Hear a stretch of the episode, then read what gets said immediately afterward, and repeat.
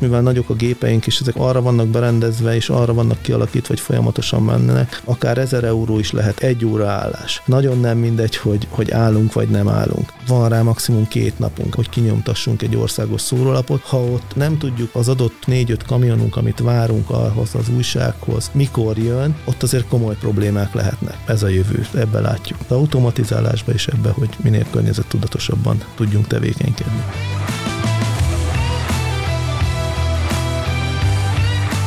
Ez itt a Paritás Podcast. Innovációk, trendek, újdonságok a logisztika és a supply chain világából. A nyomda csak karácsonykor és szilveszterkor áll meg, hogyha nincs karbantartás, a gépeknek mennie kell. A logisztika is lehetne ennyire gördülékeny és problémamentes, de sokszor nem az. A mai epizódban is mutatunk bár best practice azzal kapcsolatban, hogy miképp lehetünk hatékonyabbak. Amúgy a nyomdaiparban is felütötte fejét a munkaerő, sőt, most épp a papírhiány, de digitális megoldásokkal, robotokkal és az említett hatékonyság növelésével még mindig lehet kiemelkedően teljesíteni. Gombos Barna a Contiteknél vitte sikerre a raktárvezetést, hogy ezután csatlakozzon az EDS Rínyi ZRT-hez, ahol már most számos fejlesztés jegyezés, nincs megállás. Honnan jön a papír, a festék, lehet-e környezettudatos egy papírgyár vagy egy nyomda, és rábízhatjuk-e magunkat a gépekre, hogyha alapanyag rendelésről van szó egy német raktárból? Ez ma mind kiderül. Én Juhász Bálint vagyok, ez a Paritás Podcast, Gombos Barna pedig már is velünk. Szia! Szia, köszöntöm a hallgatókat. Aki nem csak raktárvezető, de raktárfejlesztő is, ezt nem csak te mondod magadról, hanem a kollégák is. Na de mielőtt belemennénk a legégetőbb nyomdaipari témákba, engem az érdekelne, hogy Beretyújfal az az ország szinte egyik legkeletibb csücske, hát Makó is egy másik világváros, délen, délkeleten, aztán pedig Vác. Ez egy ilyen érdekes háromszög. Hogy sikerült? Hát ez úgy sikerült, hogy Beretyújfaluba születtem, a középiskoláimat pedig Makón végeztem, kereskedelmi és közgazdasági szakközépiskolába jártam, mind a két szakot elvégeztem technikummal, ezután Makón is telepettem le, ott ismerkedtem meg Makón még az iskolában a feleségemmel, és ott kezdtem el dolgozni egy nagy kereskedelmi cégnél.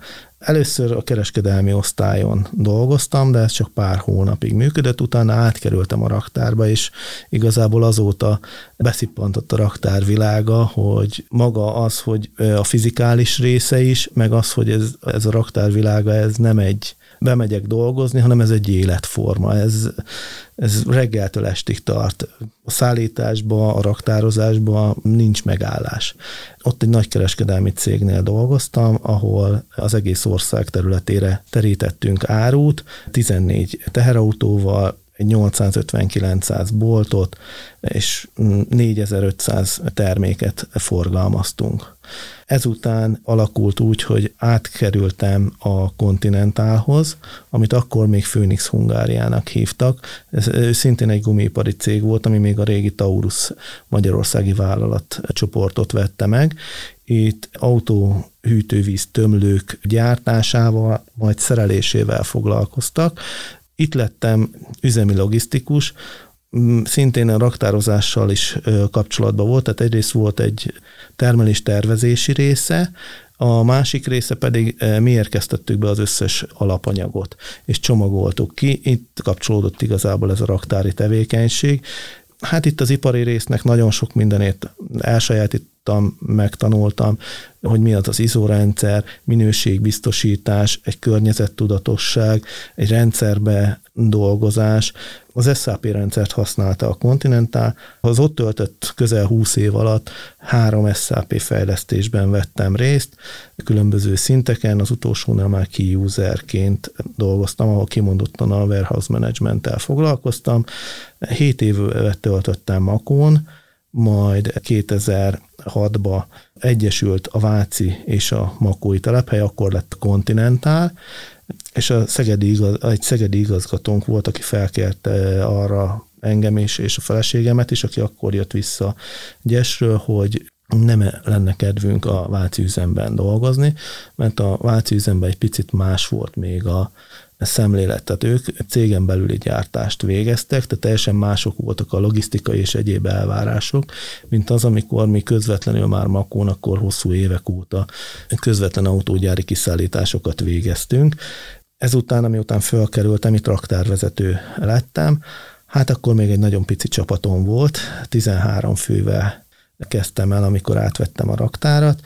Körülbelül három folyamatunk volt, egy pár száz raklapos raktárunk, a göngyöleget például a, egy parkolóba tároltuk a rampához közel, mert minimális göngyölegünk volt. Hát ezután... Hova sikerült ezt fejleszteni, mert azért nem ezekkel a számokkal jöttél el? Nem, nem, nem ezekkel a számokkal jöttem el, hát óriási fejlesztések történtek abba a tizen pár évben, amíg ott voltam. Hát a végén 108 fő volt a raktári létszám, körülbelül 3500 palettányi anyagot tároltunk, mind készárút, mind egyéb dolgot. Saját göngyöleg tárolónk volt, ami 2000 négyzetméter volt. Göngyöleg mosót építettünk, tehát sokkal több folyamat, körülbelül 50 folyamatot vittünk.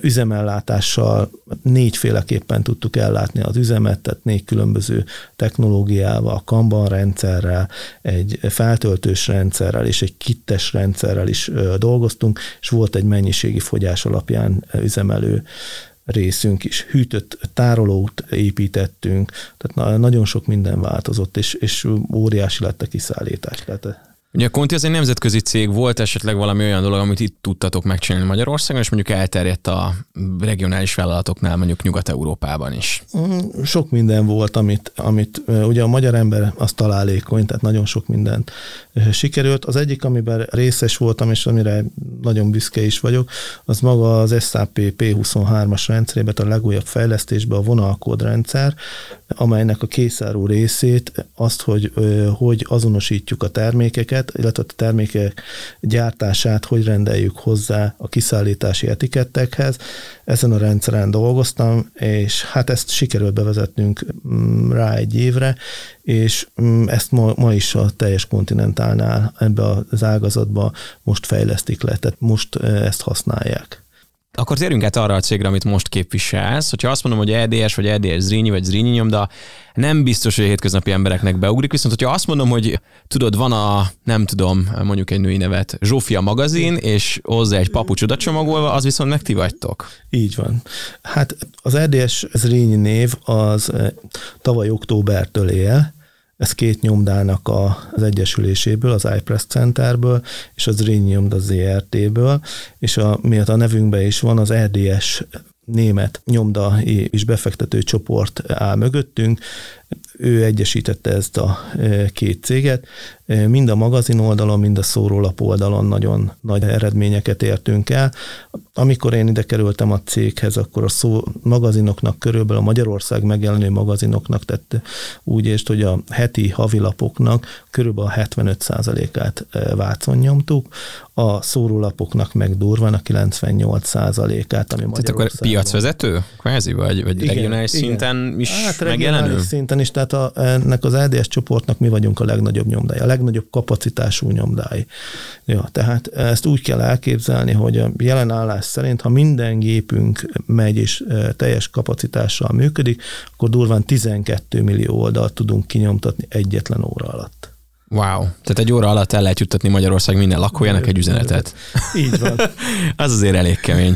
Mit tudtok még? Ugye említetted ezt még adáson kívül, hogy az ilyen különböző újságok mellékleteit is ti készítitek, tehát nem csak papírt van, nyomtattok. Így van, tehát én azt mondom, hogy nem csak, nem csak egy nyomda vagyunk, tehát nekünk nem csak arról szól, hogy a papírra rákerüljön a tinta, ennél, ennél az, ez a csoport sokkal többet tud.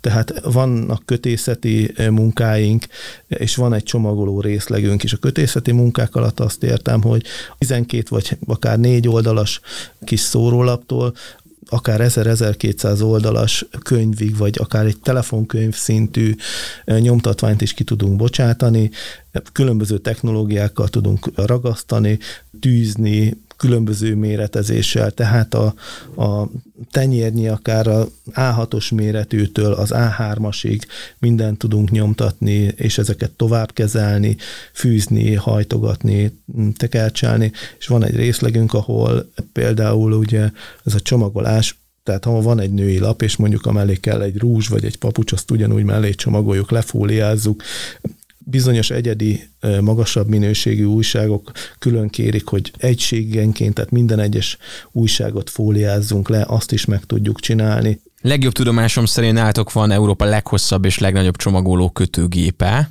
Ezt hogyan kell elképzelni, mekkora teljesítmény jön ki a gyáratokból? Ez pontosan azokra a kiadványokra, amit beszéltünk az elején, telefonkönyvek és egyéb ilyen kötésekre való, amely szerintem nem sok nyomdába van. Nagyon kevés az, aki ilyen teljesítményt tud nyomtatni mennyi tinta fogy, mennyi papír fogy egy nap, vagy egy hét, vagy nem tudom mi a, a jó mérőszám. Hát igazából papírból tudok napi adatokat is. Ha minden jól megy, akkor durván 200 tonnát használunk el egy nap. Hát ez azt jelenti, hogy nagyjából 10 kamiont kellene fogadnunk napi szinten. Ebben az az érdekesség, hogy ugye 5 napba történik az áruátvétel, maga a raktár 5 napba megy, de maga az üzem az pedig 7-be. Tehát ez azért egy komolyabb szám. Tavaly évvégén sikerült egy nap alatt a 12 órás műszakba 36 kamiont leszednünk egy két rampán. Ahhoz azért egy kicsit igyekezni kellett. Mondjuk az, hogy valami szebb papíron jön ki, vagy jobb fogásra van, hogy az mondjuk a felhasználókra így valami hatást kibocsát, vagy a papír illata, mondjuk e, van ennek hát, köze? Tehát van, egy, van, van azért egy nyomdai illat, ami, ami, ami akár a könyveknél, akár a, mert például tankönyvet is nyomtunk már. Tehát akár a könyveknél, vagy, vagy az egyik legjobb, az egyes legszebb és legnagyobb feladat, ami Magyarországon lehet, egy, például az érettségit is nyomtuk. Ezt meg akartam kérdezni, hogy vannak ilyen speckó dolgok? Van, vannak persze, természetesen. Azért mondom széles a paletta, tehát mind méretben, mind mennyiségben, mind minőségben rengeteg félét tudunk. Jó, mi az e-mail címe, csak hogyha valaki az érettségit keresne? De viccen kívül, tehát ilyen igazolványok is mondjuk akkor hozzátok tartoznak, vagy ez mennyire para, nem, vagy az nem, az tehát az csak nem, ami papír? Nem, nem, csak ami papír. Hát egyébként ez az érettségi téma az érdeke, tehát ott azért nagyon komoly ellenőrzések és szabályok vannak, tehát ott külön... Hát egyszer kellett csak kikerülnie, még, még nagyon-nagyon régen, ugye? Volt ebből azt hiszem egy botrány. Volt, volt, igen. Nem tőlünk került ki. Tehát nem. Ezt, ezt Ennyi. Meg tudom erősíteni, nem tőlünk került ki. Viszont hogy jut hozzátok a papír? Engem ez baromira érdekelne, mert ugye most van itt egy ilyen aktualitás, nyomdaipari káosz, így szólnak az újságcikkek, meg hogy a háború óta nem volt ilyen káosz, ezt is egy ilyen nyomdaipari cég képviselője tette így a magyar sajtóba bele a pár nappal ezelőtt. Azt mondják a portálok, hogy ilyen felkiáltások vannak a papírhiányról, hogy a cellulózára elszárt, és három-hat hónap múlva fogjuk érezni. Erről tudsz most mesélni nekünk egy kicsit, hogy mi van nálatok? Egy, egy, hát egy pár gondolatot meg tudok osztani mindenképpen. Nagyon nagy káosz van, és nagyon nagy hiány van. Ez több okból adódik, tehát ez nem egy mai keletű dolog, ez az elmúlt években már látszott. Tehát magának igazából az újság papírnak ami bennünket érint, az újságpapírnak van egy, van egy hiánya. Tehát előtte egy kínálati piac volt, tehát lehetett válogatni, hogy ki milyen papírra szeretne nyomni, és hát emiatt az árak egy kicsit nyomottak voltak, tehát a verseny miatt egy nyomott árakon dolgoztak a papírgyárak. Nem is biztos, hogy mindig megérte nekik ezt előállítani, mert ugye ezután kialakult ez, ami látszott már akár az építőiparban is, egy, egy fahiány, tehát ez nem cellulóz, ez, ez én szememben fa hiány, ugye felment nagyon az építőanyagok ára, például egy gerendái és a többi. Ez ugyanúgy, tehát annak ellenére, hogy a papírgyárak telepítenek maguknak erdőt, és borzasztó környezettudatosak, azért nekik is vásárolni kell, és ugyanarról a piacról vásárolnak faanyagot, más minőségben, de ugyanarról a piacról veszik a, ezeket a dolgokat, úgyhogy ebbe, ebbe van egy nagyon nagy. A másik, ami mindent érintett, én úgy gondolom a COVID, átalakultak az emberek szokásai, sokkal több rendelés van. A rendeléseket papírdobozokba rakják. Tehát megindult egy iszonyatosan nagy csomagoló, igény, csomagoló anyagigény, és ezáltal kialakult az, hogy egyes papírgyárak elgondolkoztak azon, hogy lehet, hogy jobb lenne, hogyha ők, és jobban megérni, hogyha ők csomagoló anyagot gyártanak. Ez látszik most a piacon, hogy mindent felszippantanak. Tehát ugye a papírgyárak is van egy bizonyos százalék, amit hulladékpapírból gyártanak, és van, amit friss fából gyártanak. És emiatt ez, ez eltolódott. Erre még most rájött az elmúlt egy-két év hatása, ami ugye száműzi a műanyagokat. Ez egyszer használatos műanyagokat. Ehelyett is papírt használnak fel. Na most egy szívószálat gyártani, nem kell hozzá egy magas minőségű papír, és azért ahhoz képest, hogy mondjuk egy újságlapot mennyire nyomtatunk ki, ahhoz képest sokkal jobban el lehet adni, sokkal magasabb áron. Nagyobb a profit rajta, tehát e, e felé tolódott el a piac. Erre még rásegített az energia áremelése, amely a papíripart nagyon komolyan érinti. Tehát három dolog kell nagyjából a papírhoz. Az egyik a ugye általában víz mellé telepítik, tehát vízre van szüksége, fára és iszonyatos mennyiségű energiára, mert ezek hatalmas gépek.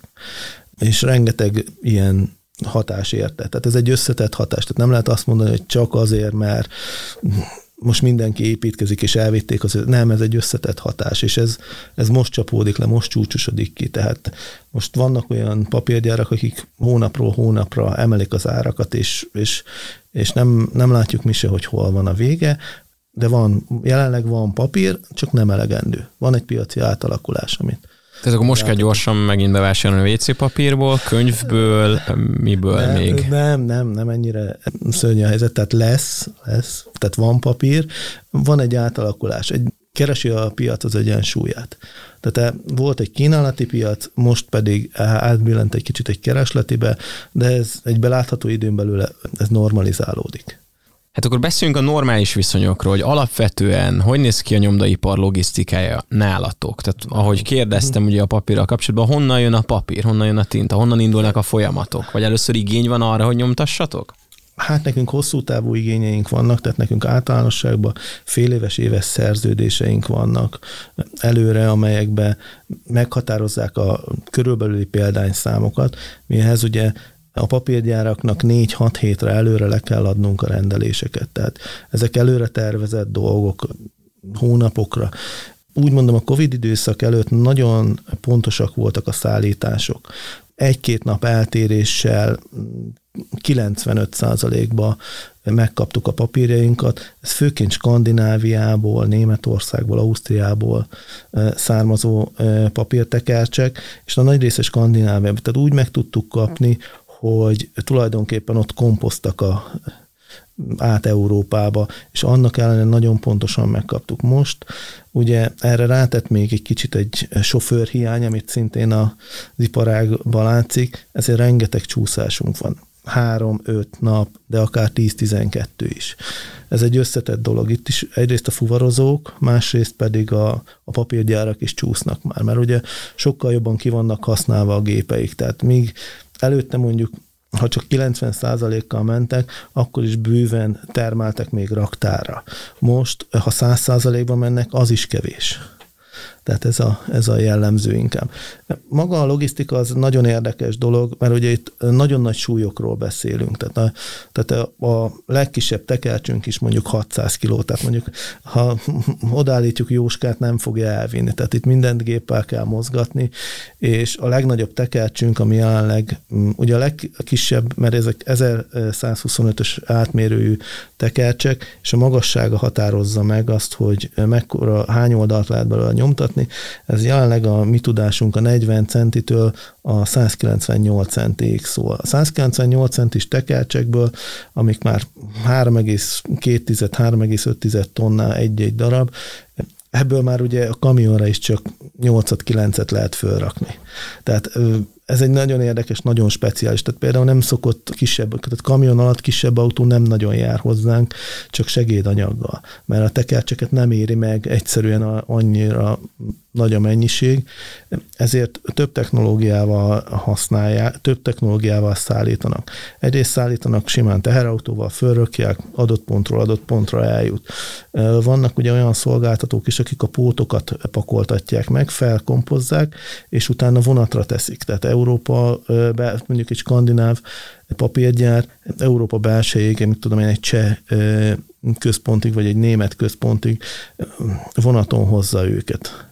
Vannak olyanok, akik pedig vagomba pakolnak, mert ugye a vagomba jelenleg kétszer annyi férte, durván 50 tonnás vagonokat pakolnak meg, eljön maga a vonatvagon, itt van egy szolgáltató, aki kiszedi, és magát az országot terítik. Tehát azért mondom, több relációban, több konstrukcióban van. Bocsánat, hogy közbeszakítólag, csak a kettővel ezelőtti epizódban pont az intermodális forrózásról volt szó, úgyhogy aki esetleg azt az epizódot nem hallgatta meg, hallgassa meg, mert amúgy pont ez van benne, hogy így váltakozó, és hogy sokkal jobban megéri, meg mennyire izgalmas ez a szállítási forma. Meg közben lecsekkoltam, hogy egy 600 kilós papírtekercs, az kb. olyan, mint egy Volkswagen app, mert hogy az egy 850 kiló. Tehát, hogy ekkorákat igen, igen. tekerünk. És hogy van itt a félpótkocsiban is van olyan, amiben speckó papírt lehet szállítani? Ez mi ez a kocsi? Nem, ez nem félpótkocsi, hanem a rendes nyerges vontatóba. Aha, tehát a nagy. A, az, mert az igazi papírszállítás az jolodás autókkal történik, amelynek az a lényege, hogy van négy sín, tehát erősített a plató, és a plató aljára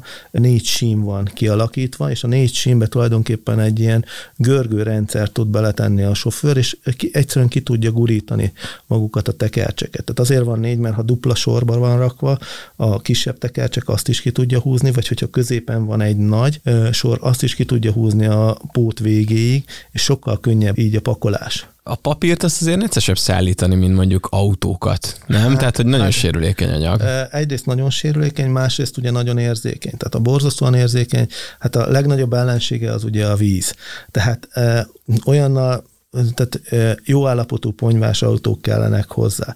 E, nem nagyon szeretjük a hűtőautókat, mert azokat meg ki kell szárítani. Tehát volt már olyan reklamációnk is például, a hűtős autóba pakolták, de nem klimatizálták vissza, és olyan szintű volt a pára lecsapódás, hogy több tekercs tönkrement a lecsapódott víztől, mert az alul összegyűlt, és akkor aláfolyt a papírnak, és tulajdonképpen tönkretette a papírokat. A másik, ami még nagyon fontos, hogy a plató ép legyen, mert a három tonnát egy kis kavicsra rátesszük, az meg fogja nyomni. Ha a targoncás megfogja, és azon az egy kavicson végighúzza, az tulajdonképpen a nyomda szempontjából az kidobható az a tekercs, mert ugye a forgás miatt nekünk a keresztmetszet természete számít. Tehát ha az oldalán sérül egy tekercs, mert mondjuk neki mennek, azt le tudjuk venni. De ha az alján végighúznak egy csíkot, akkor kuka az egész, mert a mi gépeink elég nagy fordulaton mennek, tehát 30-40 eh, ezeres fordulatokon mennek, és ennél a fordulatnál ezek a papírok elszakadnak,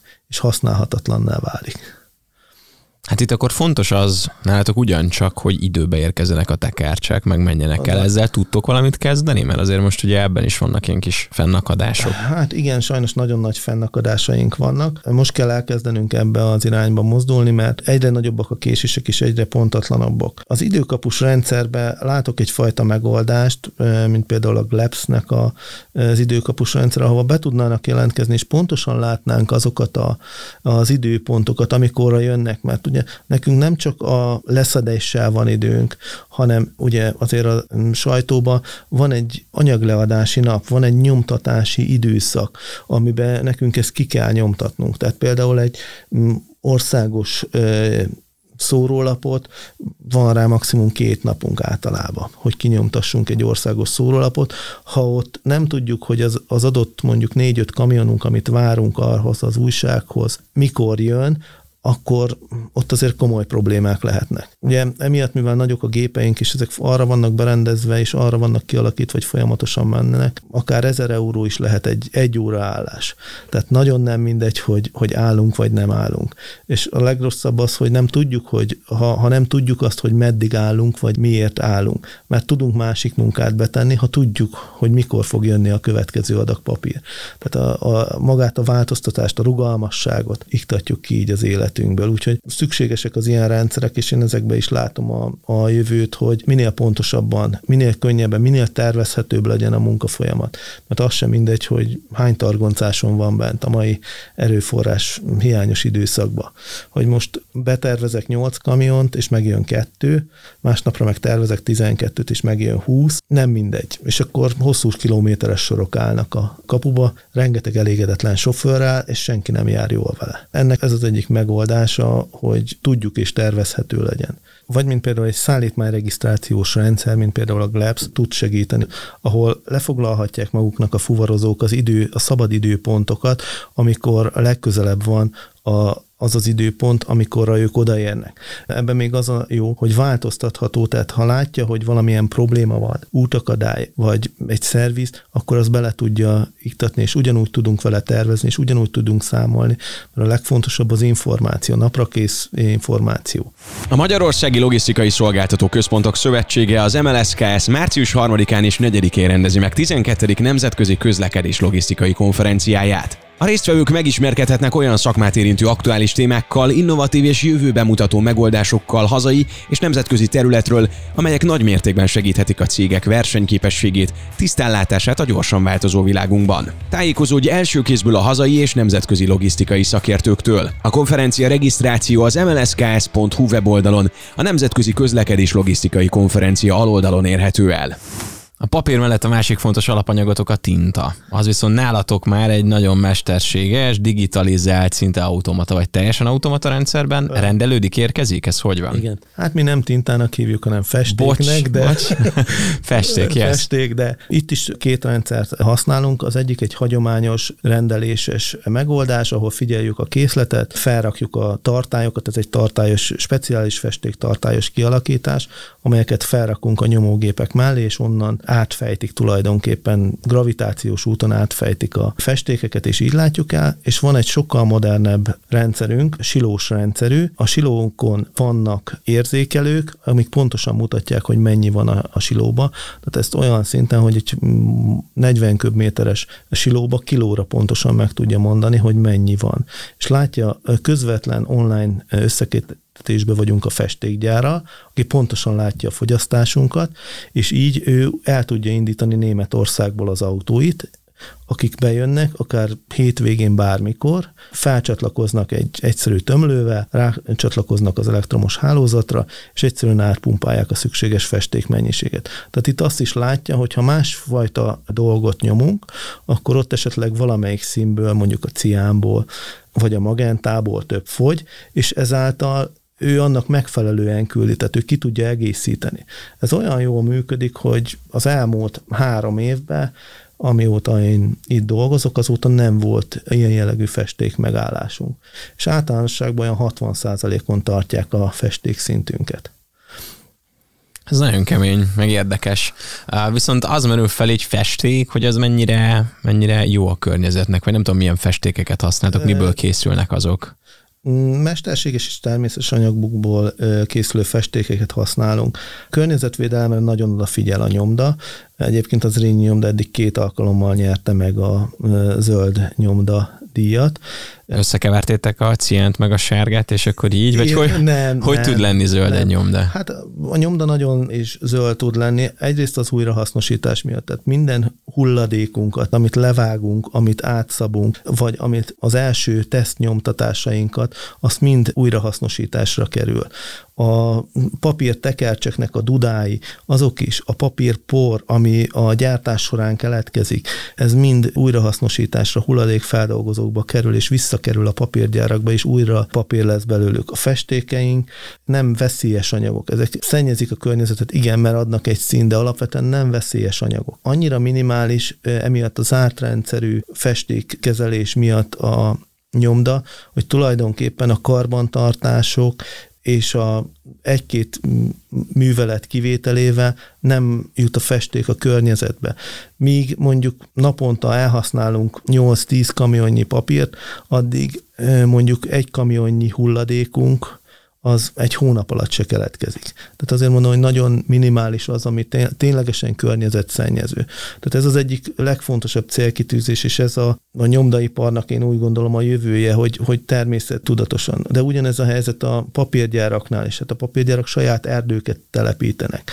Például a hulladék hőjükkel az egyik papírgyártó cég, amely egy 200 ezeres város mellett lakik, 40 ezer embernek nyújt távhőt az ő hulladék hőjével. Nálunk is például a nyomdába használjuk a hulladékhőt, tehát a, mert ezeket a festékeket egy e, égetéses módszerrel, tehát egy hőkezeléssel fixáljuk le a papíron, és annak is a hulladékhője az a csarnokokat fűti. Tehát például nincsenek radiátorok, nem a radiátorokkal fűtjük, hanem magával a hulladékhővel, a gyártási hővel fűtjük a csarnokokat. Nem közvetlen hozzátok tartozik a nyomdaiparhoz, hanem a papírgyártáshoz, meg újrahasznosításhoz, de mondjuk mennyire van értem egy papírgyűjtésnek, egy szelektív papírgyűjtésnek, tehát hogy azok a papírok visszajutnak hozzátok, hogy hányszor lehet őket fel Vissz, visszajutnak, visszajutnak a papírgyári statisztikák szerint körülbelül hatszor lehet újra használni ugyanazt a papírt. Addigra használódik el úgy a cellulószál, aprózódik annyira, hogy utána nem tud összeállni papírát, csak hogyha már akkor a mellé még teszünk fát, és akkor újabb nagy cellulózok mellé már össze lehet állítani egész papírra. Csak mert ugye ami most a papírhiányt okozza, ez, hogy a műanyagokból visszavettünk, hogy ne legyen egy ilyen rossz csomagolóanyag, akkor a papír az egy jó csomagoló és más jó anyag. csomagoló, de ahhoz az is kell, hogy ezt a csomagolóanyag ez visszakerüljön a körforgásba. Aha. Tehát úgy, úgy egészséges, úgy környezetbarát az is, hogyha visszakerül. Tehát akkor tegyük szépen bele a papír szelektívbe, és akkor egyszer visszajut hozzátok. Ezt jó hallani, hogy, hogy ennyire tudatosak vagytok.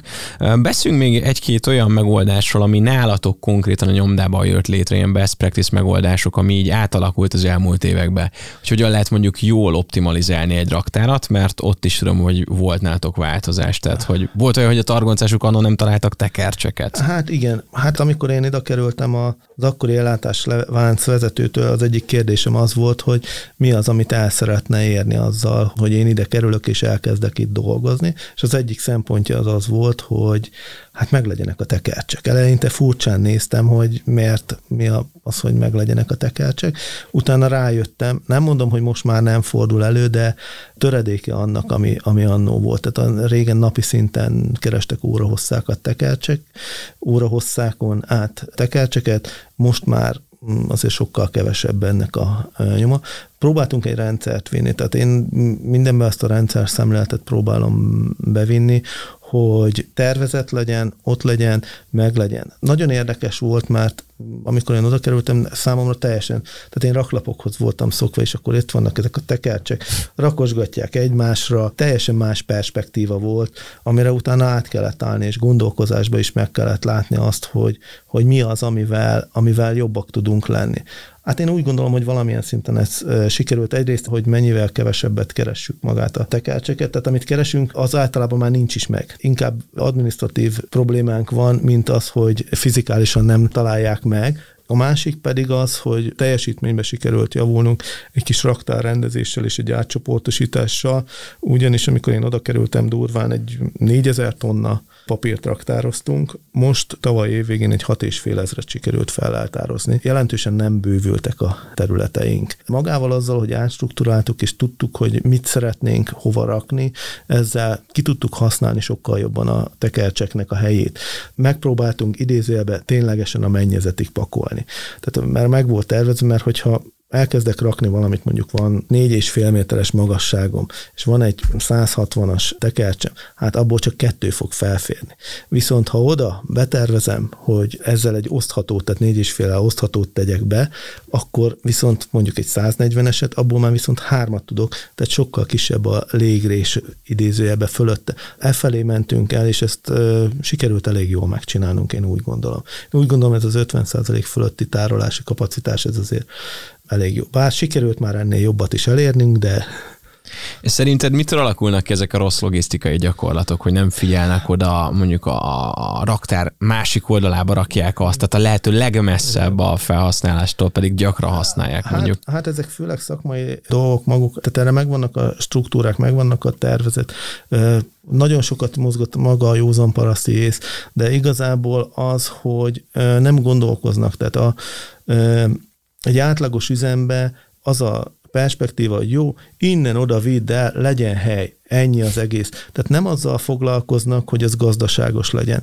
Rengeteg a felesleges anyagmozgatás, mind emberbe, mind gépbe, mind pedig időbe belefetszelnek, pedig ezekből van a legkevesebb. Ha már van 50 féle termékem, vagy 50 féle alapanyagom, egy sima ABC elemzéssel, hogy meghatározom azokat, hogy melyek a legforgósabbak, és már csak azt szerint pakolok, rengeteget lehet nyerni. Tehát például nekem sikerült elérni azt, hogy amit két ember két nap alatt szedett össze mondjuk egy kiszállítást, ez inkább kontinentálos dolog, az sikerült levinnünk 6 óra hosszára. Azzal, hogy tervezetten csináltuk meg a betárolásokat. Tehát rengeteget lehet spórolni. Ha ezt egy folyamatos műszakra vetítem, negyedére ment vissza a mm, teljesítményünk, rengeteg. Tehát megspóroltunk négy embert, meg egy mm, targoncát. Nagyon komoly tízezer eurókat lehet spórolni ilyen egyszerű dolgokkal, hogy mit hova rakunk.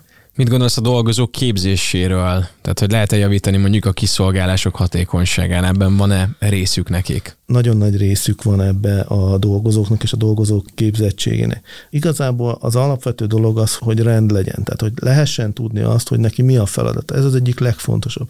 Ha tudja, hogy mi a feladata, akkor el tudja végezni. Ugyanígy visszakanyarodva egy sima betárolásos dologra, hogyha az a feladatot, hogy szedd le azt a kamiont, azt ragd el valahova a következő műszakban azt a valaholt fogják keresni órákig. Míg ha azt mondjuk, hogy igen, itt a harmadik sor üres, ide rak be, és még ide fogtok rakni két kamiont, ez óriási különbség. Tehát ilyen, ilyen banális kis ilyen, ilyen dolgok. Banál, ilyen banális dolgokat. És a másik az, hogy ugye a vállalatánál a rendszerekbe rettentő nagy segítség az például a nyomdába a targoncások vonalkód olvasóval közlekednek.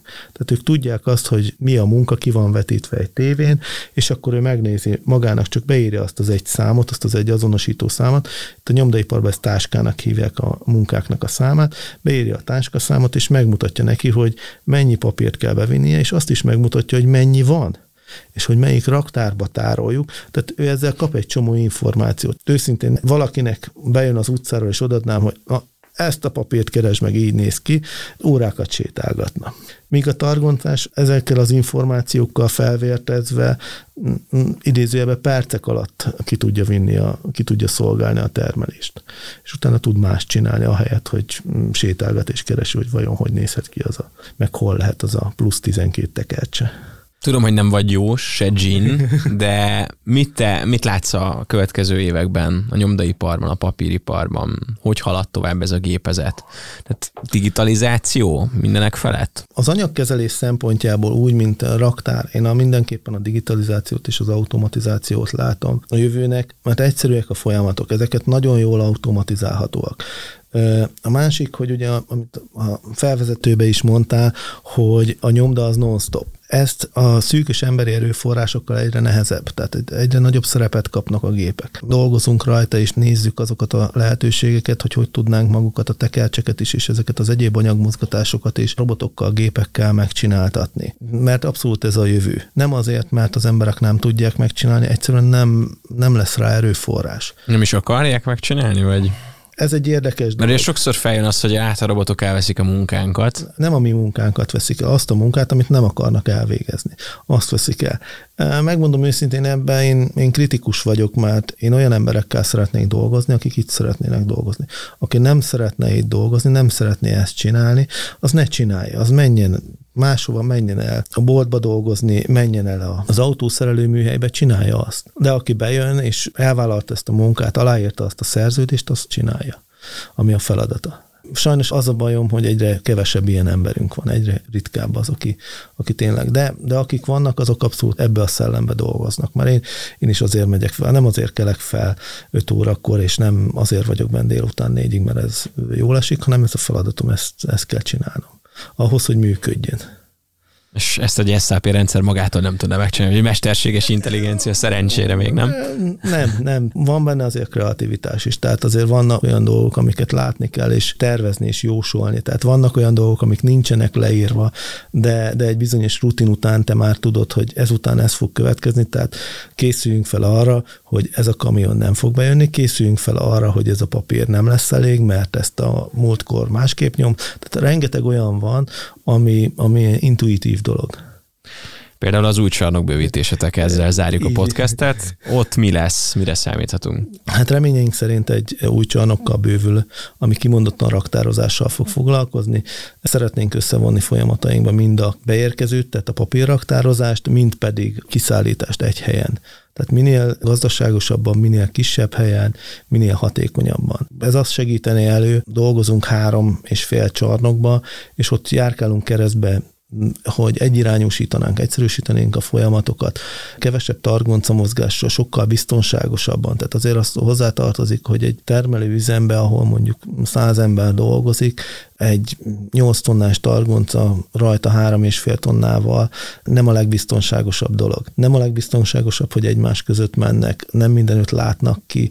Tehát azért ez nagyon fontos a jövőben, hogy ezt standardizáljuk, és az anyagkezelést, a raktározást mindent pontosabban végezzünk. Mert mindig van hova fejlődni, tehát soha nincs olyan, hogy ennél többet nem lehet, vagy ennél jobbat nem lehet mindig van, van előrelépés, csak meg kell találni azt, hogy hol tudunk előrelépni, és hol tudunk jobbak lenni. Targoncaiparban is van ilyen, mint az autóiparban, hogy ilyen elektromos fejlődés? Vagy van, van, van, igen. A jövő, ami már pár éve itt kopogtat, azok a lítium-ionos akkumulátorok, tehát abszolút az elektromos. Tehát nekünk is vannak még gázos targoncáink. Én úgy gondolom, az elkövetkező egy-két év feladata az, hogy ezeket kiszorítsuk, és folyamatban van a legújabb targoncáink megrendelése, amelyek már környezetbarát lítium-ionos akkumulátorokkal készülnek. Ennek több előnye van. Egyrészt olyanok, mint egy telefon, tehát bármikor fel tudod tölteni, mert a hagyományos savas akkumulátoroknál megvan az a 8-12 óra töltődési idő, és addig töltődik. Ami még ezzel probléma, hogy ott van egy gázfejlődés, egy savas gázfejlődés, amelyet tulajdonképpen egy környezetszennyezés. Ez megszűnne, mert ezek zárt cellások. Így több mindent tudnánk vele nyerni. Az első megrendeléseink már megvannak a lítium akkumulátoros targoncáinkra, és ez a jövő. Ezt ebbe látjuk.